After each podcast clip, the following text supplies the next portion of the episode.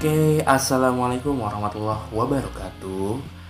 Halo Transbro dan Transis di mana pun kalian berada Semoga kalian dalam keadaan sehat walafiat dan juga semangat dong dalam menjalani aktivitas kita sehari-hari.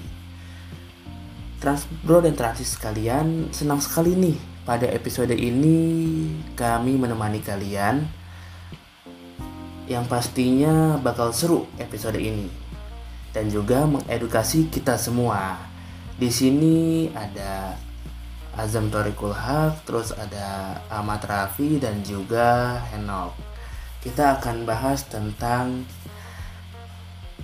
fasilitas disabilitas di transportasi. Nah, transport dan transis kalian pengguna transportasi itu kan beragam ya dan juga salah satunya ada penyandang disabilitas. Oke transport dan transis. Mayoritas masyarakat itu sekarang bisa dengan sangat mudah berpindah dari satu titik ke titik lainnya. Nah tapi apa kabar? Mobilitasnya udah inklusif belum? Jadi ternyata nih ya ternyata pada kenyataannya untuk pindah dari satu titik ke titik lainnya nggak mudah bagi sebagian orang. Jadi bagi sebagian orang ini nggak mudah, khususnya penyandang disabilitas. Nah, aku pengen tanya nih ke Mas Raffi nih. Jadi apakah para penyandang disabilitas itu selalu dimarginalisasi dalam status sosialnya? Oke, terkait pertanyaan dari Asem nih tentang penyandang disabilitas selalu dimarginalisasi dalam status sosial. Oke, mungkin aku sedikit jelasin dulu nih transpro dan transis.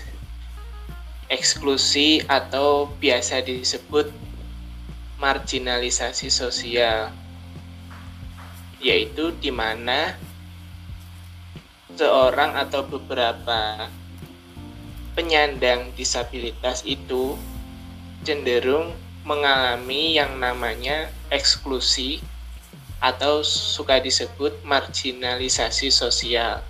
Nah, apa sih eksklusi sosial itu? Nah, berdasarkan sumber-sumber yang didapat, eksklusi sosial yaitu merupakan suatu proses yang membatasi akses sumber daya bagi seseorang atau bagi kelompok orang yang bertujuan untuk mendapatkan partisipasi dalam kehidupan sosial, politik, maupun kehidupan ekonomi. Nah, dalam kasus mobilitas, pilihan transportasi yang terbatas dan juga membutuhkan biaya tambahan. Seringkali membuat kelompok ini atau kelompok penyandang disabilitas itu tertinggal. Nah, jadi dari pemandangan pandangan yang kami dapat itu ya penyandang disabilitas itu juga kadang mengalami apa ya ketertinggalan ataupun dipandang sebelah mata atau dipandang beda oleh orang-orang yang sekiranya non disabilitas dalam melakukan hal untuk bertransportasi di masyarakat. Nah, mengenai hal itu, aku juga ada sedikit pertanyaan nih. Tantangan apa aja sih yang sekiranya mengancam para penyandang disabilitas dalam melakukan mobilitas. Oke, aku mau sedikit sharing ya. Jadi tantangan apa aja sih yang mengancam para penyandang disabilitas dalam mereka mobilitas? Jadi penyandang disabilitas itu banyak tantangannya yang mengancam sejak meninggalkan rumah hingga kembali ke rumah mereka tuh dihantui banyak ancaman dari sistem lingkungan binaan atau built environment dan transportasi publik atau public transportation. Nah, tantangan yang mengancam dari lingkungan binaan apa aja sih? Yang pertama itu kualitas jalan setapak yang buruk, berlubang, curam, dan tidak ada yang landai. Jadi tidak bersahabat lah. Selanjutnya yang kedua itu ada jalur pemandu yang tidak kontinu. Ya itu tantangannya. Yang ketiga minim pencahayaan. Selanjutnya kalau ancaman dari transportasi publik atau public transportation ya. Yang pertama itu kesulitan untuk naik dan turun dari kendaraan umum. Ini sih masih banyak terjadi sih terus yang kedua ada celah peron yang terlalu besar. Biasanya kalau ini bisa disiasati lah dibantu petugas. Ataupun ada penumpang yang membantu mereka turun.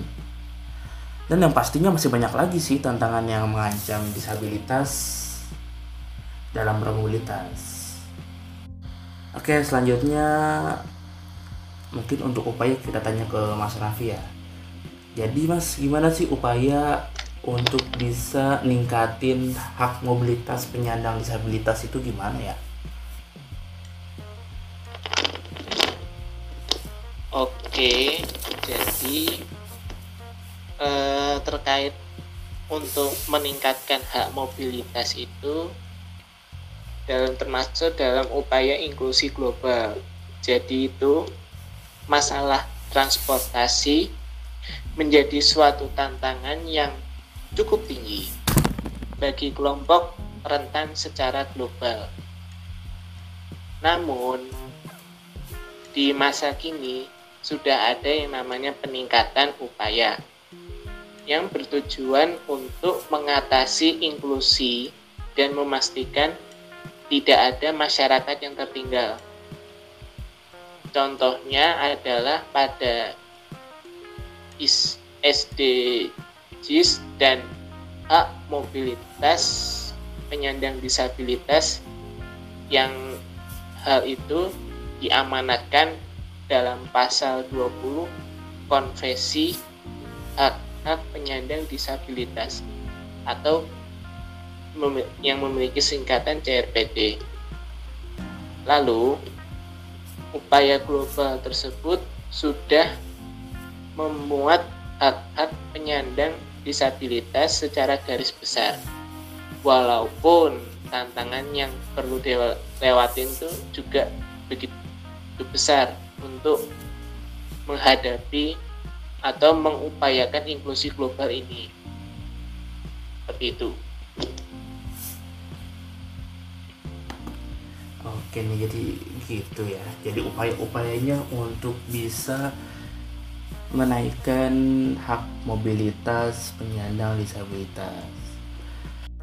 Nah, kira-kira bisa nggak sih dengan menyetarakan hak penyandang disabilitas pada sistem transportasi itu menjadi tolak ukur pembangunan nasional? Monggo saudara Henop. Ya, uh, kasih ya Rapi menyetarakan hak penyandang disabilitas pada sistem transportasi itu bisa menjadi tolak ukur pembangunan nasional. Itu dinyatakan oleh Pak Fadli pada tahun 2001. Berbagi ruang untuk disabilitas, transportasi publik perlu memberikan ruang dan kesetaraan untuk kelompok disabilitas. Hal ini menjadi tolak ukur keberhasilan dari pembangunan nasional. Nah, di nah terus diingat lagi nih oleh Bapak Hasan Ansori Pembangunan transportasi publik yang modern tidak hanya fokus pada meningkatkan ekonomi, tetapi juga harus dapat menciptakan peradaban yang bisa menjamin bahwa masyarakat memiliki kesempatan yang sama, serta turut merasakan manfaat dari adanya pembangunan. Nah, berarti